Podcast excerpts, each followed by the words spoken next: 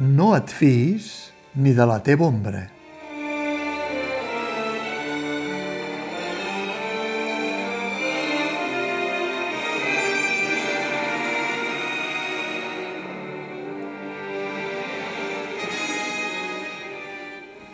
Estranys en un tren és un dels clàssics més veterans del gènere negre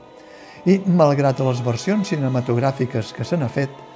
la versió teatral de Craig Warner és relativament moderna, del 2013,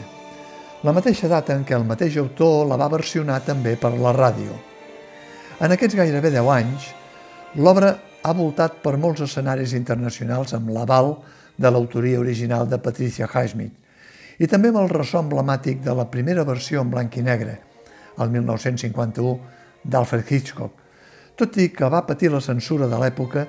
pel seu subtil contingut de fons. És la primera vegada que Estranys en un tren s'adapta al teatre català i gairebé es pot considerar obligat que ho faci al Teatre del Raval, que s'ha significat en les últimes temporades per un bon nombre d'èxits de públic de versions de novel·les d'Agatha Christie, com testimoni de càrrec, la tranyina o la visita inesperada. En aquesta ocasió, la companyia ha optat per una posada en escena que deixa tots els trumfos al relat, a la paraula, amb uns canvis d'ambientació senzilla, conceptual, que, mitjançant el so i la il·luminació, trasllada els espectadors al compartiment del tren on es troben els dos protagonistes de la història, o a l'apartament, o a la mansió dels protagonistes, o a l'estudi d'arquitectura o un ambient festiu de casament,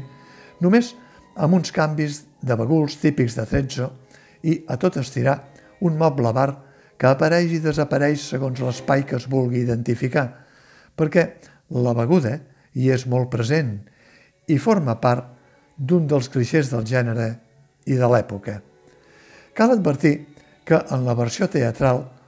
un dels protagonistes, Guy Hines, no és una figura del tennis, com passa a la novel·la, sinó un conegut arquitecte.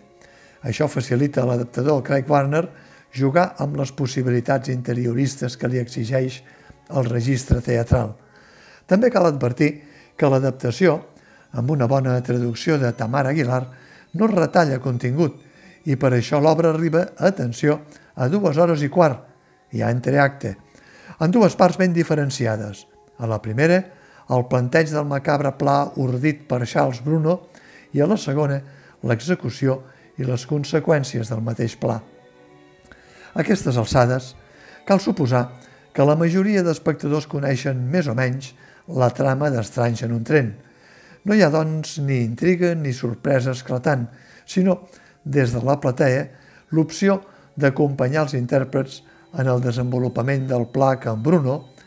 un noi de la mare amb complex d'Edip i amb les butxaques plenes, i en Gai, l'arquitecte més aviat bonjant i en procés de separació matrimonial, acorden gairebé com un joc d'atzar. Hi ha un revòlver que no s'ha disparat mai i dues persones que fan nosa, el pare d'en Charles Bruno i la dona d'en Guy Hines. Són aquests dos personatges els que mantenen les escenes de diàleg més importants per la psicologia que desprenen. La fredor per part de Charles Bruno per executar un crim perfecte i la mala consciència per part de Guy Hines per complir amb un tracte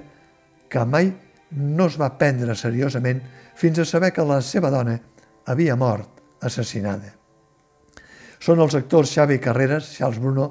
i José Barón, Guy Hines, els que interpreten aquest duel entre el mal i el bé, i dels dos, és Xavi Carreras qui protagonitza algunes de les escenes més esperpèntiques del seu personatge, les borratxeres, el to de fatxenda,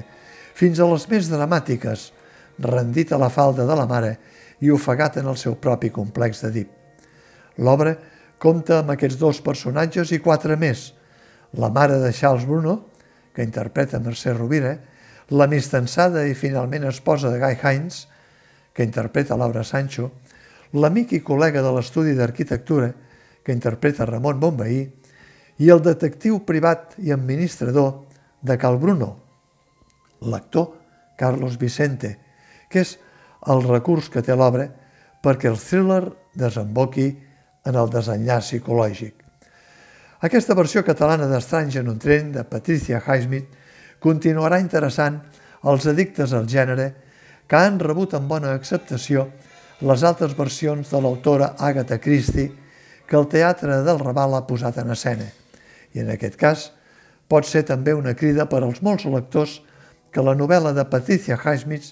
ha tingut i encara té. Una novel·la, per cert, que precisament acaba de ser reeditada en català en una nova traducció de Jordi Martín Lloret, a Viena Edicions, i que, si algun no volia polèmica a dos títols, ha optat per un de diferent del tradicional fins ara, Desconeguts en un tren. Posats a jugar amb títols nous, com fan al cinema, me n'empesco un altre després de constatar amb quines maldats especula Patricia Highsmith. Aquí el teniu. No et fiis ni de la teva ombra.